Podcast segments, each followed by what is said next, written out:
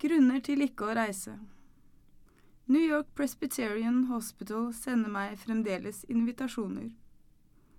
Inntil nå har jeg ikke forstått hvorfor McDowell holder kontakten oss imellom varm. Men da jeg åpnet posten i morges, fant jeg en i overkant smigrende invitasjon til å holde foredrag om Solheim Williams-metoden i mitralklaffplastikk under kvinnedagen. Mange vil høre meg fortelle om da Henry og jeg opererte i diverse brystkasser. Han er jo død nå, men før han døde, var det han som holdt seminarer om våre kasuistikker og metoder. Det var best slik. Mennesker hører bedre etter når menn snakker. Jeg har uansett alltid takket nei, jeg, og det kommer jeg til å fortsette med. Det får være grenser. Komme dit med mine foreldede teknikker i hjertekirurgi. De vil vel bare se hvor gammel jeg har blitt, tenker jeg. Jeg kan jo fremdeles gå selv og snakke så tydelig at et helt auditorium ville forstå hva jeg sier. Men hjernen er ikke like kvikk lenger, og i ansiktet har jeg et verdenskart med grenser og krater. Det tar to timer å sminke meg. Minst. Det er ikke rart jeg helst blir hjemme.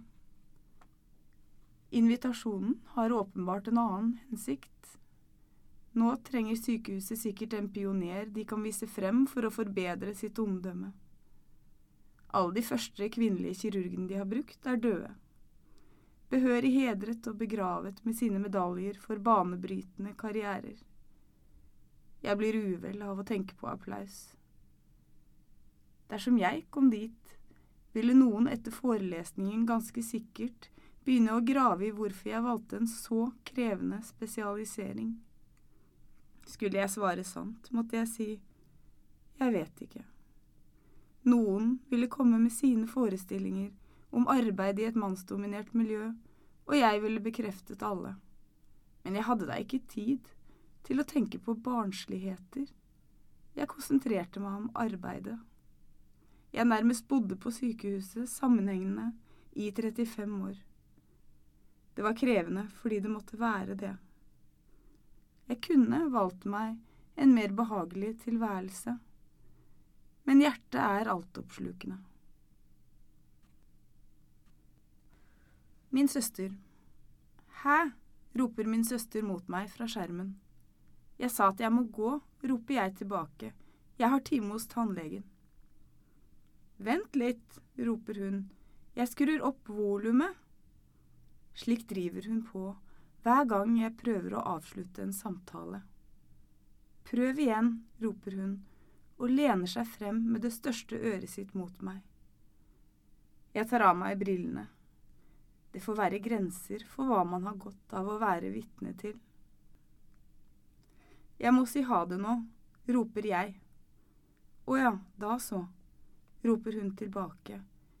Men har du i det hele tatt fått med deg noe av det jeg har snakket om? Jeg er ikke tilbakestående. Skal du bleke tennene igjen? Ja, roper jeg, og nå må jeg løpe. Løpe, du liksom. Jeg ser nok at du ligger i sengen. Du er vel ikke syk, Bitte-Lill? Jeg heter Birgitte, mumler jeg.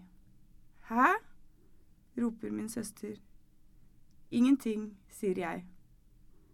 I går besøkte vi graven til mor og far. Gartneren planter neste uke. Ja vel, sier jeg. Det blir ganske stille, og min søster får det sårede uttrykket i ansiktet. Jeg forstår ikke at hun kan være min søster. Hvor henter hun sentimentaliteten sin fra? Du bryr deg ikke, sier hun. Folk blir aldri riktig så lei seg over vår bortgang som vi selv tror de vil bli, sier jeg. Min søster ser enda dystrere ut. Kan du ikke være litt mer positiv, sier hun. Tilværelsen blir liksom litt hyggeligere, da. Jeg gjesper før jeg trekker på skuldrene med et sukk og ser bort.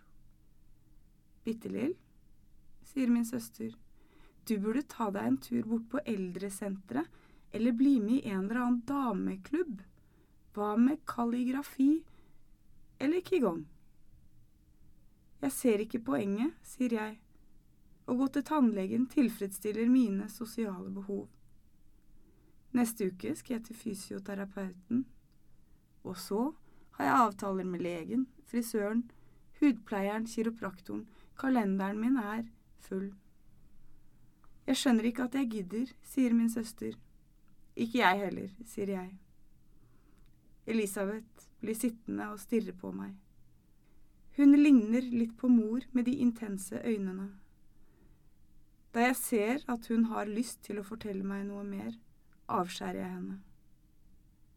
Man burde vært avlivet for lenge siden.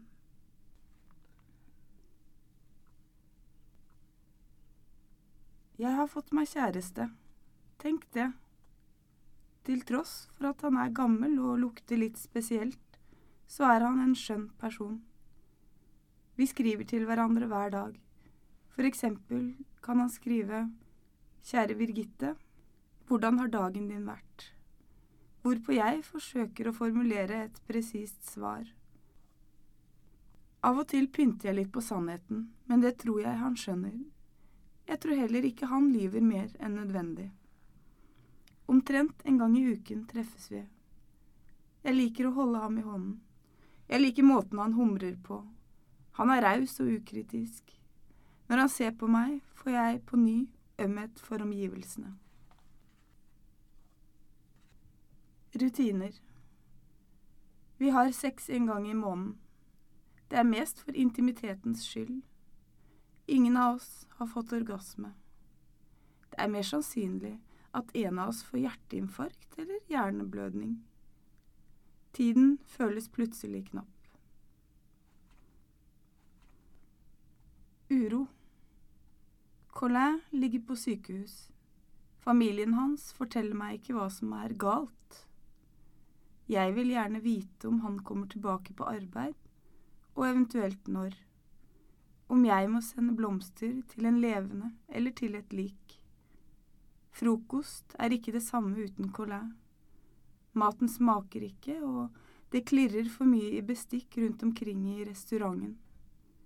I sted knuste flere glass ute i oppvasken. Noen burde ha ropt merd, men det ble helt stille. Akkurat slik er det å bli gammel. Skamløshetens tid.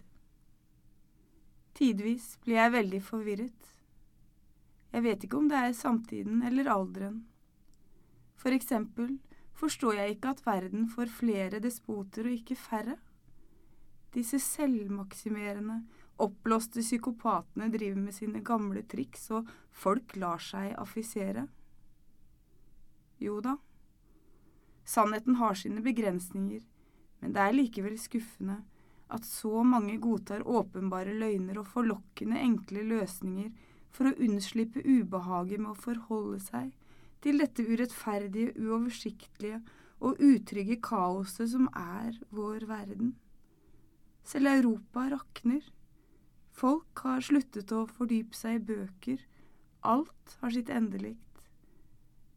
Hvor har de anstendige menneskene blitt av? mumler jeg ut i luften. Små hender. Før kunne hendene mine redde liv.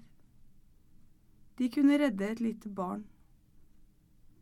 Det var en sann glede å møte foreldrene etter slike vellykkede operasjoner og si Vi har lukket igjen hull i hjertet. Alt ser ut til å gå fint. Nå kan jeg ikke engang skjenke i en kopp kaffe uten å søle. Frisøren min forteller meg at leiligheten er full av flekker og smuler. Han har sannsynligvis rett i at jeg trenger enda mer hjelp. Helst vil jeg klare alt selv. Du er som et trassig barn, Birgitte, sier frisøren min til meg. Folk sier at livet er en syklus, men sammenligningen føles feil. Det er noe som mangler. Hver gang jeg ser meg i speilet, er det noe som mangler. Hver gang jeg ser på hendene mine, er det noe som mangler. Jeg vet godt at det er fremtiden som mangler.